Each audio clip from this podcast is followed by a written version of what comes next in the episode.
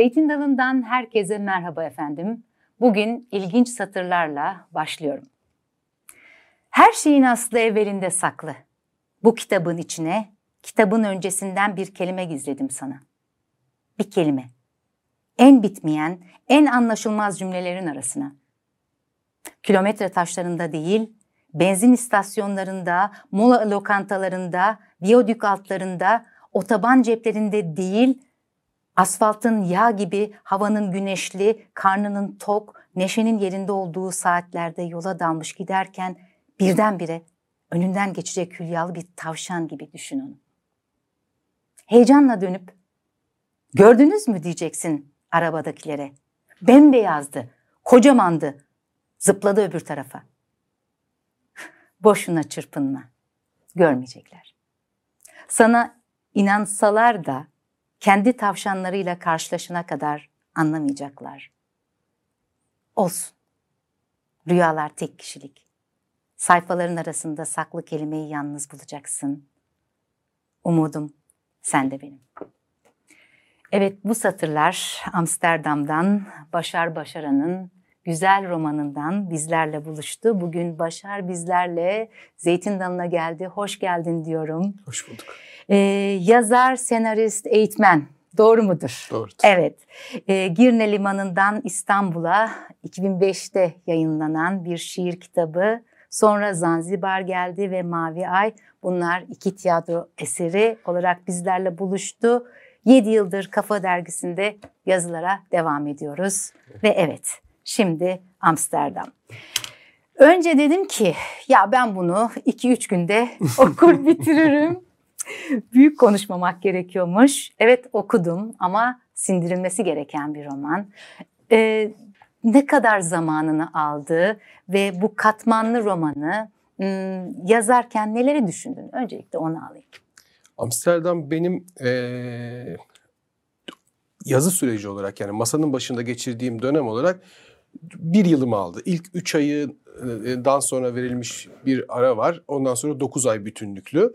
Ama toplamda bir yılda yazdım diyebilirim. Fakat e, ne yazacağımı bilerek geçirdiğim bir yıllar var. Yani Hı. bir türlü Ne kadar onlardan onlar, haber versen. Onlar uzun süre beni tanıyan e, yani arkadaşlarım, yakın çevrem hep derler şu romanı bir yazamadın, şu romanı bir yazamadın.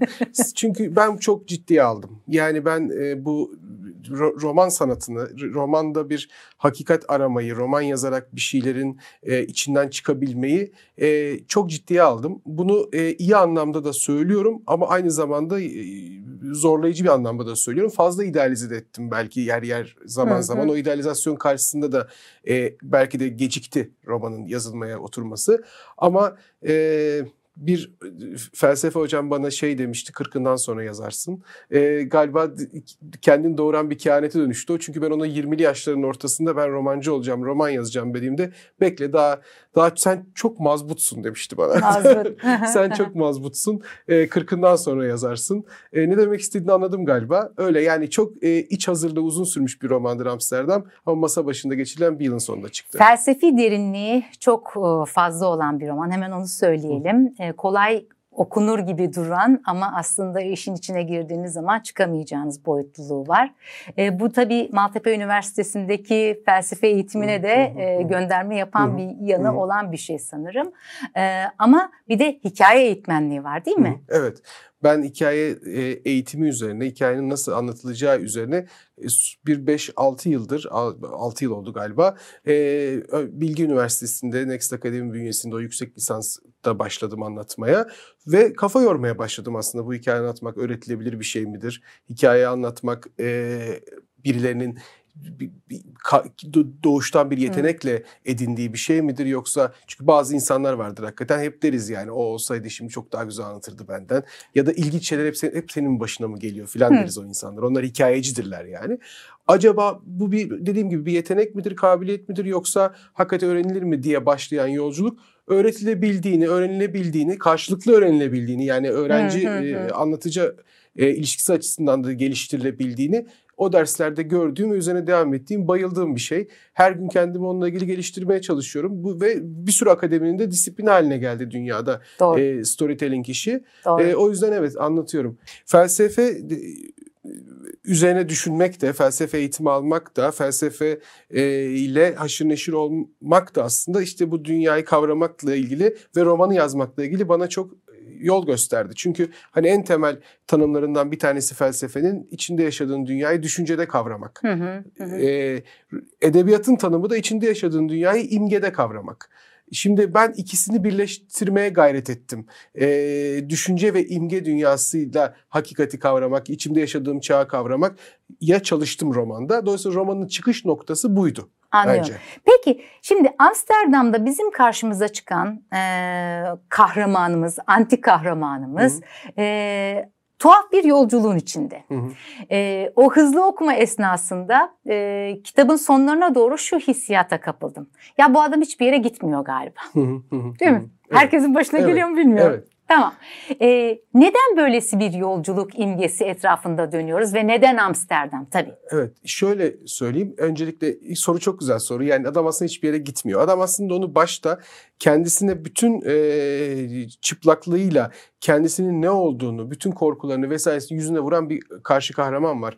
Bir kadın var ve o ona o onunla konuşurken e, vantuz balığından bahsediyor. Vantuz balığı gemilerin bordasına yapışan e, ve ge, uzun yol gemileriyle beraber bütün dünyayı gezen bir balık.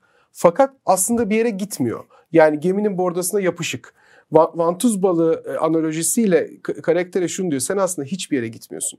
Bu aslında birazcık da bizim e, akmayan hayatlarımız, dünyanın tek bir yere dönüşmesi. Aslında en çok gittiğimiz yerin yani buradan kalksak nereye gitsek en fazla İstinye Park'a kadar gidebildiğimiz bütün anlamıyla, yaşam şekli anlamıyla dünyanın alternatifsiz bir yere dönüşmesiyle ilgili bizim de birey olarak içinde yaşadığımızda bir yere gidemeyişimiz. Bu hem e, dünyanın değişiminden dolayı gidemediğimiz hem de kendi konformizm açısından risk etmiyoruz. Yani. Etmediğimiz, evet. konfor alanımızı terk edemediğimiz evet. bir dünyada bu da ortasın şeyde e, bu e, orta sınıf dertlerle malul bir karakter olarak bir yere gidemiyor aslında. Yani gittiği yerlerin turistik yerlerine de, de, denk düşebiliyor en evet. fazla. En fazla hediyelik eşya yerine kadar gidebiliyor aslında gitmiyor. O yüzden evet dediğin doğru. E, karakter çok dolaşmasına rağmen bir yere gitmiyor. Bir yere gitmiyor. Buna e, karşın düşünceler bazında e, neredeyse gitmediği yerde kalmıyor. Aynen öyle. Bir yandan da öyle. Peki bunun için nasıl bir şey yapmalı? Yani bu e, sadece kitap kahramanı ya da anti kahraman bağlamında değil.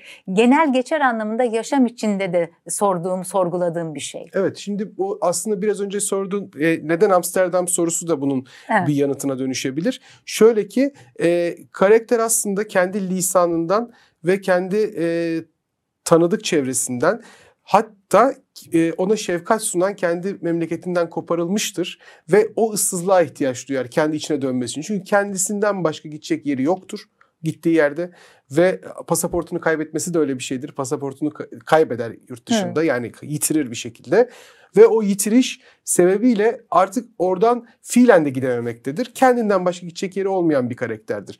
Kimseyi tanımaz orada. Evet. Gittiği yerinde lisanını bilmez. O yüzden kendi ana dilinden başka da sığınacak bir şey yoktur. Yani kelimelerin içinde ana dilinin derinlikleri içerisinde ancak kendisini bulabilir ve bir yerlere gidebilir. Hmm, hmm. Dolayısıyla düşünceler önünde açılır.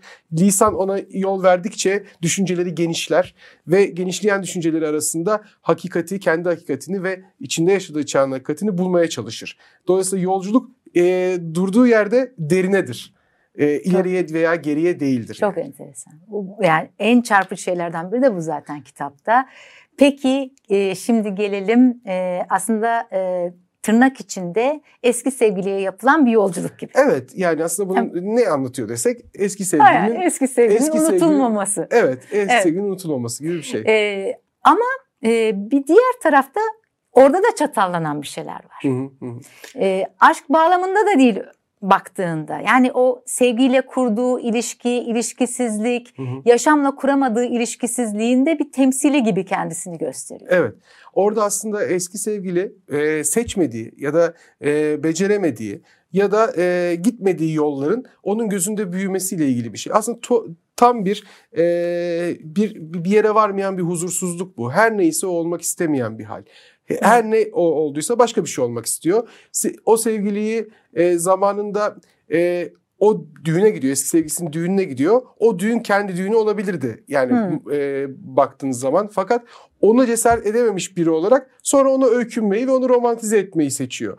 Onun da daha sonra yüzüne çarpıyor tabii bu gerçek. Yani eğer isteseydi olurdu. Her şeyi isteseydi olabilirdi. Aslında her şeyi isteyecek bir cesareti gösterememesiyle ilgili vesaire. Ama e, asıl mesele onun kendi yaşadığı dünya içerisindeki bütün o sınırlara hep öykünmesi ama o sınırlardan bir şekilde e, uçurumun kenarına geldikçe yükseklikten başının dönmesi hadisesi. Sonra da ona metiye düzmesi. İçindeki bir diğer karakterde yani kendi içinde ona gerçekleri söyleyen de onu hep oradan dövüyor zaten. Evet.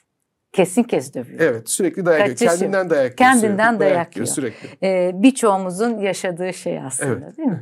Ee, onu sorayım hemen 21. yüzyılın e, kahramanı bu, bu mudur senin gözünden bakıldığında? Ee, öncelikle şunu söyleyeyim. Şimdi ben e, klasik roman diline, klasik anlatımdaki roman dillerine meftun biriyim.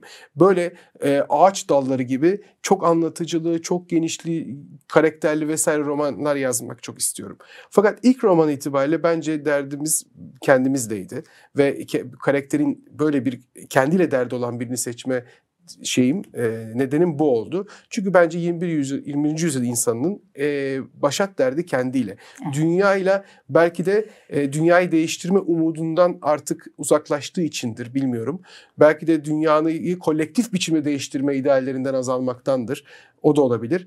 Ama günün sonunda savaşı kendisiyle. Evet. E, dolayısıyla ilk ilk savaşı kendisiyle verdi roman karakteri.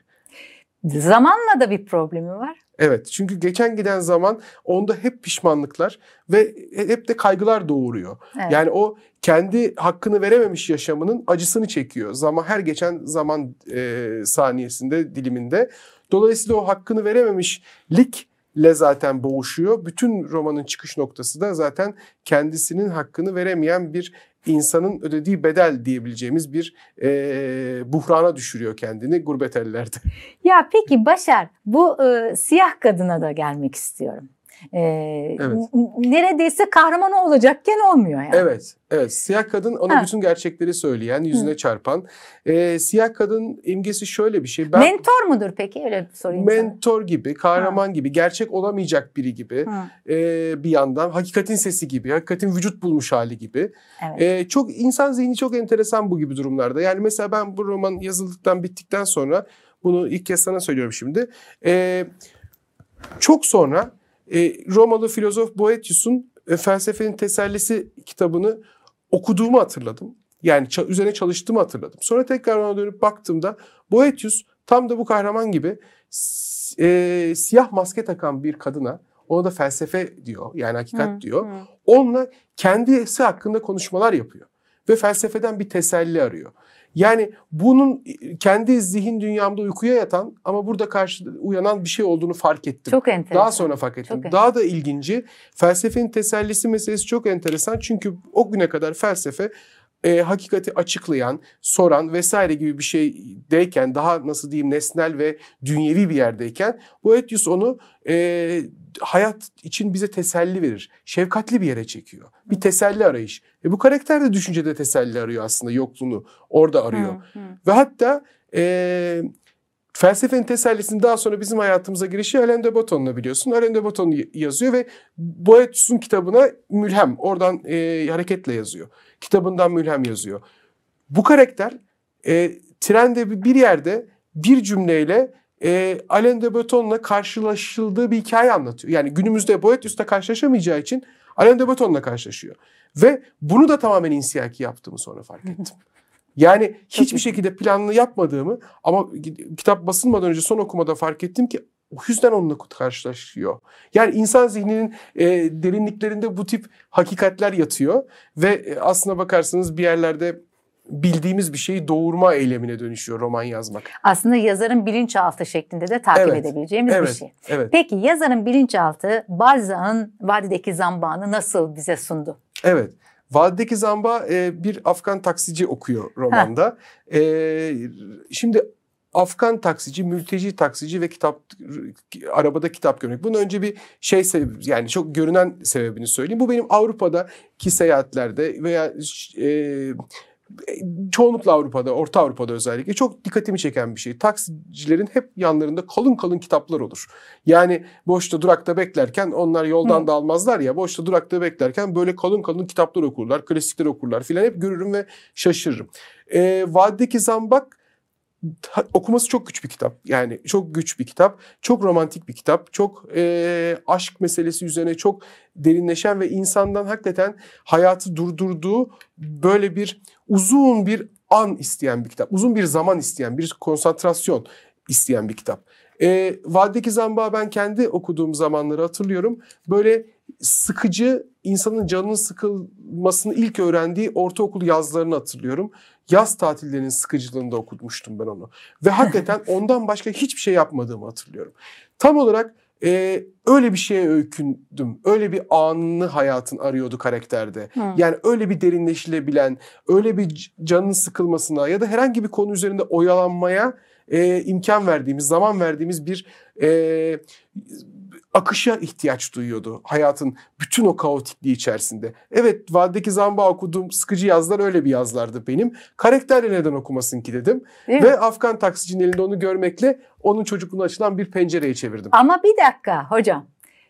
Karısı okuyor. Heh. Sadaka okuyor ve çok ilginç bir şey. Erkekler yaşam meşguliyetlerinde kedere karşı koyacak gücü bulur, işlerin yoğunluğu onları oyalar ama biz kadınların ruhunda kedere karşı hiçbir dayanak noktası yoktur da diyor. Evet, evet. Çok ilginç bir kadın bu. Evet, o sadaka o da aslında çok doğru bir şey söylüyorsun. O da e, Vadideki Zamban karakteri Henriette aslında e, bizim ana karakterimizin Amsterdam'daki ana karakterin kendi e, ailesinde gördüğü e, bir boşanma var orada hmm. ve o boşanmanın bir çat, çatırdadığı bir ayrılıkla evet. fırlatılmışlık var ve orada suçladığı tırnak içinde ilk elden sonra da ikisini birden suçluyor da ilk elden suçladığı annesinin tam tersi davranan bir karakter Henriette. Henriette çok idealize edilmiş bir karakter. Hmm. Dolayısıyla çocukluğunda gördüğü Henriette'in tavrını, o insanüstü tavrını, o çile çekebilecek tavrını belki annesinden beklemiş o zaman. Hmm. Ama e, hayat öyle bir şey değil. değil. Ve e, ama o yüzden Sadaka da idealize bir karakter olarak Henriette Tutkun ve Vadideki Zambak okuyor gibi bir şey evet, var. Evet. Her şeyi de açıklattım bana. Evet. Artık okumanıza gerek yok. Yok ama kitap bununla bitmiyor ki. Şimdi e, kitapta aslında erkeklikte de bir hesaplaşma var. Hı. O yüzden aslında bunu da sordum. Çünkü bir diğer yandan da söylüyor ki e, e, aslında ya tamam kadınlar burada böyle bir kederle karşı karşıya kalıyorlar ama bizim bildiğimiz bütün erkekler değil midir yaşama karşı yenilenler? bu bu bu minvalde bir şeyler söylüyor. ee, ama bir diğer yandan da bütün kitap boyunca onun o erkeklikle, genel geçer erkle verdiği mücadeleyi de görüyoruz. Evet. Ee, o ya da bu şekilde. Evet. Ve yani sonunda da e, onu ifade etmek istemiyorum ama hani o umudu taşıdığı başka biri oluyor zaten. Evet. evet. E, bu nasıl oldu? Yani bunun buna niye girdik? Bu şundan dolayı yani aslında bakarsanız erkeklik denilen meseleyle ben e, çok daha da uğraşmak istiyorum. Yani erkeğin yaşlanması, erkeğin yaş dönümleri, yani belli yaşlardaki erkek halleri vesaire evet. bana dramatik olarak çok e, açıkçası e, yazmaya yazma yazma hevesi uyandıran bir şey olarak geliyor. Yani bunun dolayısıyla bir erkeğin e, erkekliğini önceki idealize edişini yani o erk meselesini, hmm. iktidar meselesini idealize edişini, kendisinin tırnak içerisindeki o adamlık meselesi. Sonra ondan uzağa düştükçe onun e, aslında olmayan bir e, şeyin mistifikasyonun altında ezilmesini, e, olmayan, bunu, olmayan bir, bir mistifikasyonun, lüzumsuz bir yüklenmenin e, altında ezilmesini e, anlatmayı çok e, istedim bu kitapta da. Adam da o halinin insan olamamak, halinin adamı olamamakla uğraşıyor. Aslına bakarsanız kaç erkek olamamak tırnak içerisinde çocukluktan kurtulamamak. Çocukluktan Hı. kurtulamamanın getirdiği e, sorunlar dolayısıyla hayatının kontrolünü eline alamamak ve çarşafa dolamak. Onun içinden çıkamamak. Yani bir türlü neyse onun o hali taşıyamamak duygusunu erkeklik mistifikasyonuyla karşılaştırdığında adam eziliyor. Yani evet. ve onu anlatmak hoşuma gidiyor. Ee, Kadınları daha güçlü buluyorum yani. Daha hallerin insanı buluyorum. Ee, Teşekkür ediyoruz. ee, Kadınlar şimdi e, yine burada çocukluğa referans vereceğiz e, bir cümle ile tabii. Sen saksından koparılmış bir çocuksun, başka bir saksıya ekildin. Bunun acısını bir ömür duyacaksın. Aslında siyah e, kadının söylediği bir cümle Hı hı. e, gibi evet ama aynı zamanda babaya ait. Evet. Babasının e, Babalar ve oğullarına gene geldik. aynen. Evet. Babasının e, ona yazdığı bir mektubu babasının ölümünden sonra bulmuş karakter ve onda böyle bir cümle var. Saksından koparılmış bir çocuksun, başka bir yere ekildin. E, işte o fırlatılma hikayesi, o ayrılık Ayrılık. sonucu fırlatılma hikayesi ve o başka bir yere ek- ekilir evet o orada tutar da belki Ek- tutmuş da zaten yaşadığına Hı, göre hı. ama o saksıyı özleyeceksin çünkü orada aslına bakarsanız bir birazcık şeyin analojisi var yani o saksı ba- başka bir e, topraktı başka bir e, mineralleri, başka özellikleri olan bir topraktı. Onun aslında sosyal ve şey bir çevreyle ait bir şey o. Bir cemiyet, başka bir cemiyet Evet. orası. Başka bir cemiyete geldi. Hı. Dolayısıyla orayı hep özleyeceksin. Yapacak bir şey yok. Ve orada tabii şey hareketsizliğinin acısı da var. Bitki hareketsizliğinin yani ekildim bitti. Geri Hı. dönüş de yok filan. Yersiz yurtsuzluğunun da aslında kanıtı orada. Aynen çünkü olduğu yeri yeri yani olduğu yerde gurbete çıkmış karakter. Yani hiçbir Evet. yere gitmeden bir gurbet hissi taşıyor. Hı. Dolayısıyla neyi yani özlediği şey aslında kendisi. Yani bütün o Darüssilası kendisine dönük. Dolayısıyla oradan nasıl geri, geri dönsün o çıkışsızlığı yaşamış. Ya o toprakla halleşeceksin bulunduğun toprakla e, yahut da kuruyacaksın. Başka çaresi yok. Amsterdam'ın dışında kitapta Afrika'ya da gönderme yapılıyor. Hep o yani işte karanlığın aktarılmasında vesaire. Bunu merak ettim bir. Ee, Yunanistan var. Ee, ve e, hatta Kıbrıs var. Yani bu mekanlar nasıl e, buna bağlanabilir? Şöyle e, bir kere Amsterdam'ın soğuğunun karşısında Kıbrıs'ın sıcağına ihtiyacım vardı. Hı, o dengelendi yani. Evet yer Ha. yer o üşüdüğünde karakter çocukluğunun Kıbrıs yazlarına o sinema paradisoya benzeyen o sarı yazlara gitmek ihtiyacı vardı. O sıcak ot kokusuna e, metnin ihtiyaç duyduğunu hissediyordum. Vadideki Üşüdükçe- Zamba da orada okuyor değil evet mi? tabii. Evet. O, o, o ona giriş oradan Evet. Dolayısıyla o soğuk soğuğun karşılığı oydu.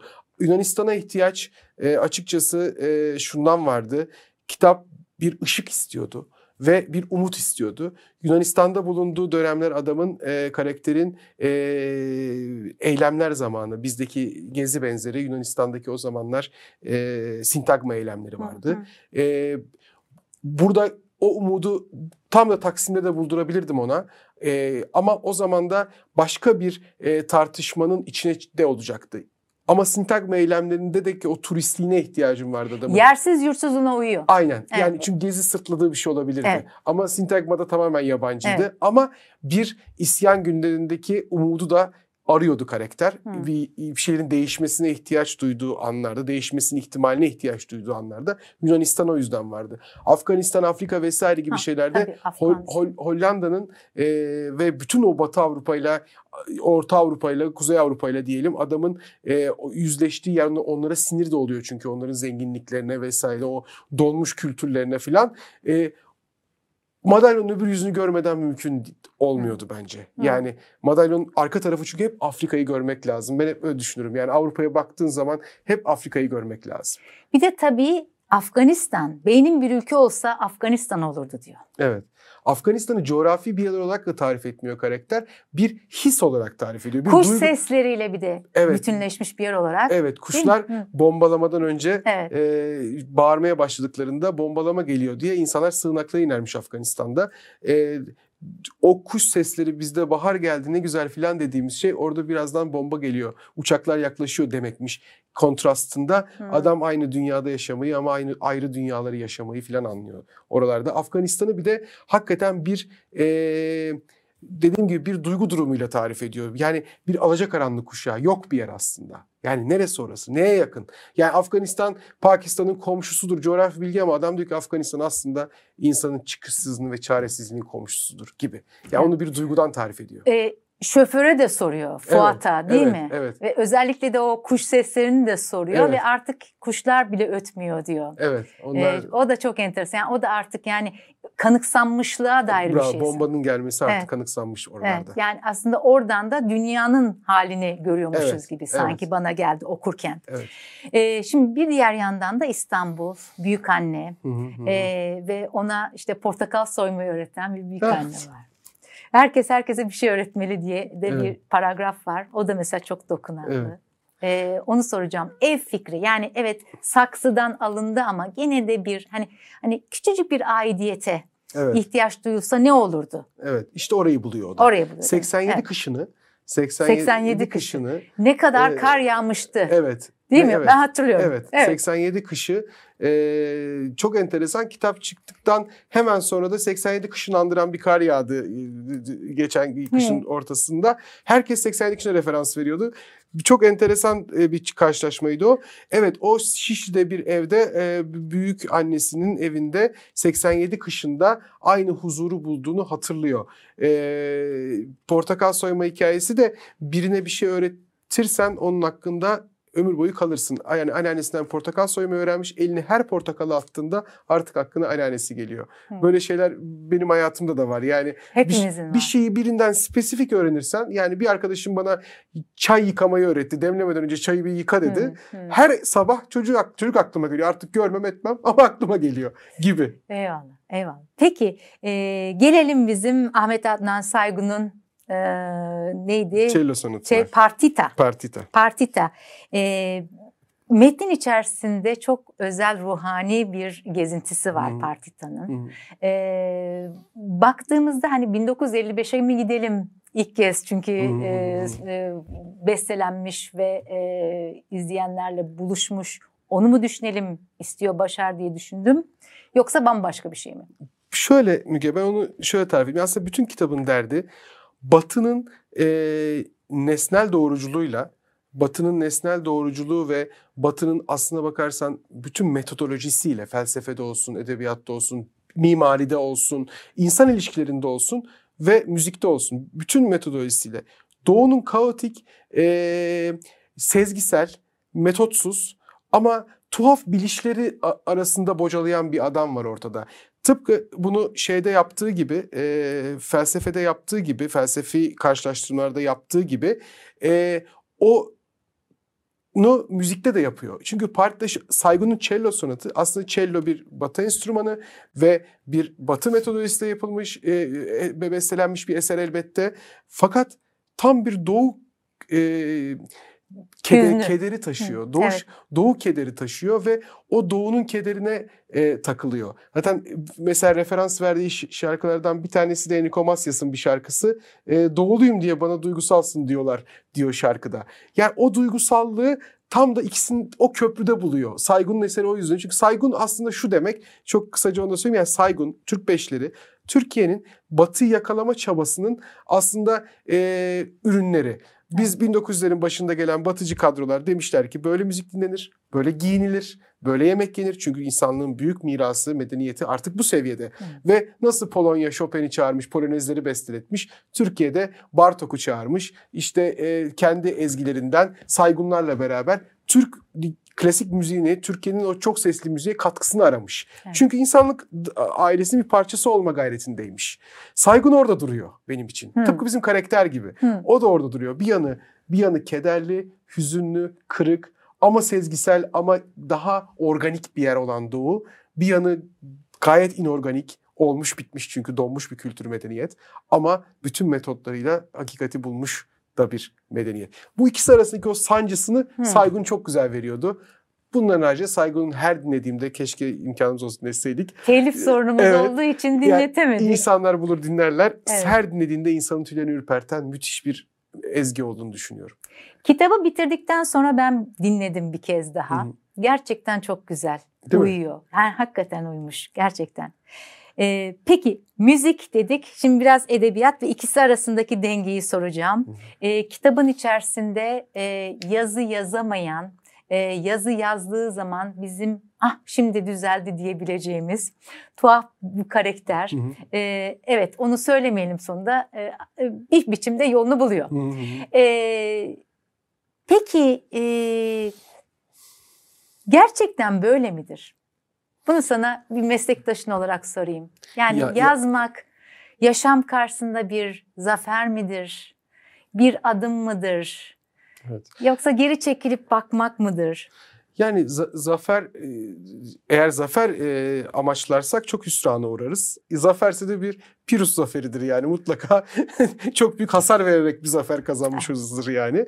Ama yazmanın e, bütün bütün sanatların aslında böyle olduğunu düşünüyorum. Dünyayı estetize etme çabasının, e, dünyayı daha iyi bir yer haline getirme çabasının e, en azından imgemizde e, insanın en tanrısal yönlerinden bir tanesi olduğunu düşünüyorum. Yani yazma faaliyetini çok ciddiye al- alıyorum ben. Karakter de fazla ciddiye alacağım. Hiçbir şey yazamamış zaten.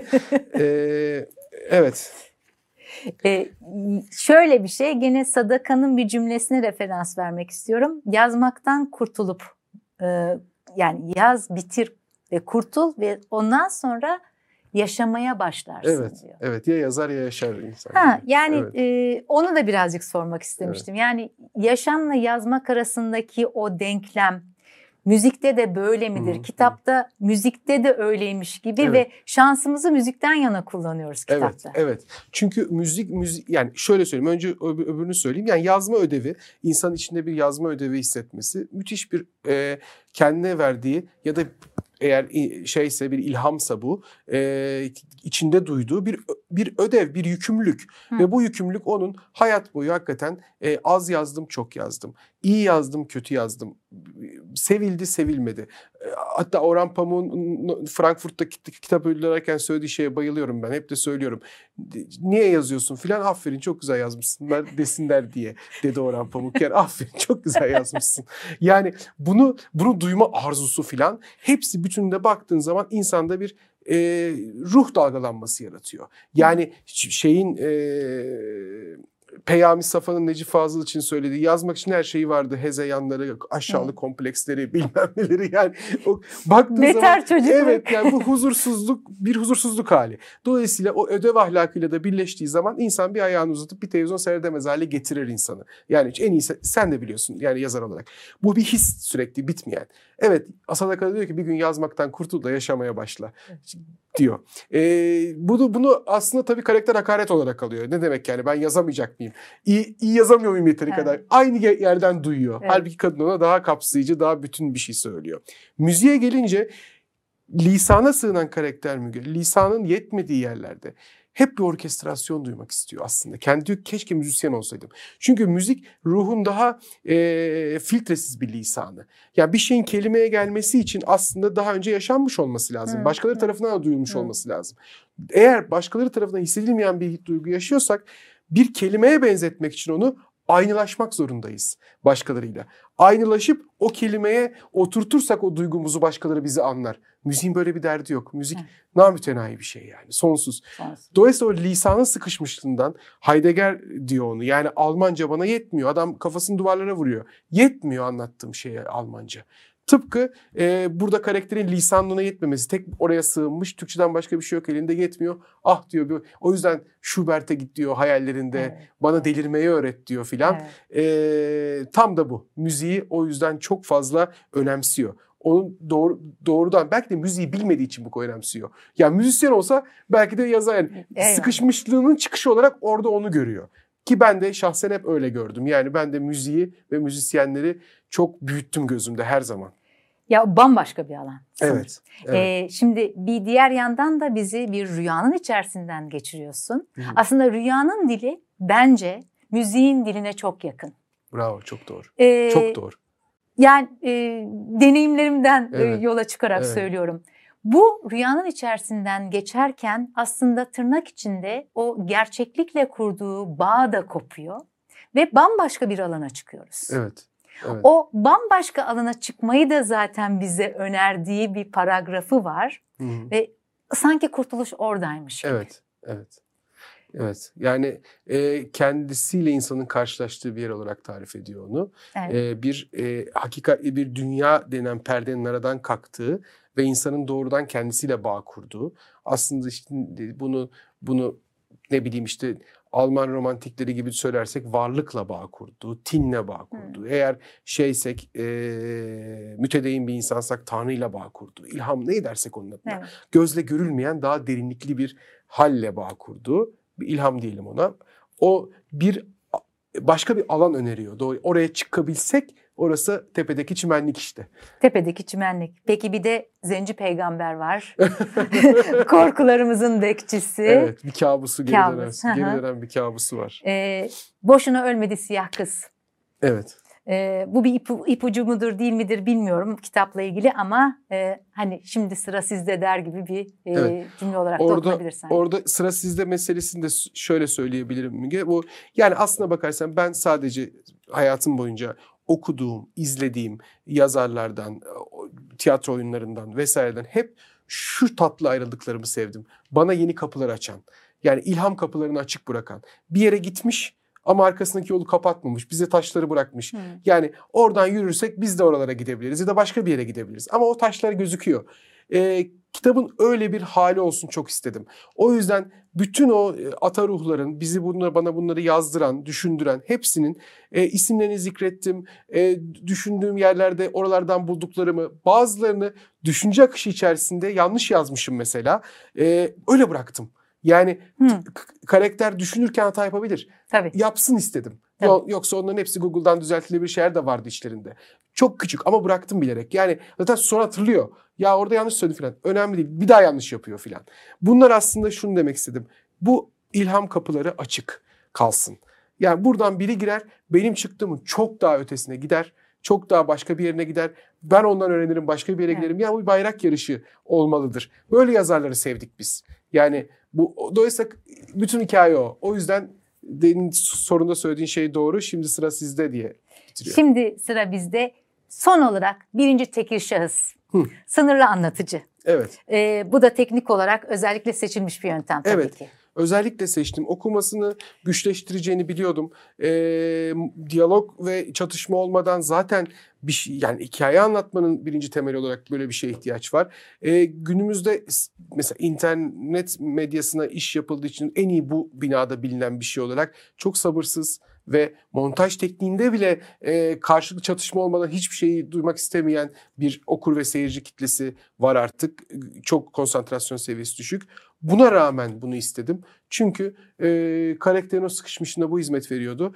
İç tartışmalarında e, o tansiyonu yakalamaya gayret ettim okunabilsin diye. Ama e, mutluyum bu seçimden dolayı. Fakat ikinci romanımı böyle yazmayacağım. Çünkü bu yazan için çok yorucu bir şey. Çok yorucu. Evet. Yani bu o, soyut yolculuğu birinci evet. tek şahıstan anlatmak gerçekten... Evet had safhada yorucu olmalı diye sordum zaten. Çok çok yorucu, çok yorucu ve şey sorularını da sürekli muhatap olmak demek. Bu sensin değil mi filan. O da hep sürekli sen birinci... O birinci tek şahısın evet. evet o Şablonudur. Evet onu bir türlü anlatamıyorsunuz. Şablon sorusu. Böyle. Ee, peki çok teşekkür ediyorum ama daha soracak bir sürü sorum vardı esasen. Onları bilare çay içerken, kahve içerken konuşuruz tamam. diye düşünüyorum. Efendim Başar Başaran e, Amsterdam'da bize e, tuhaf bir karakterden bahsediyor ama bu tuhaf karakteri takip ettiğiniz zaman kendinizi bulma ihtimaliniz çok yüksek. Zeytin Dalı'ndan hepinize sevgiler, saygılar efendim.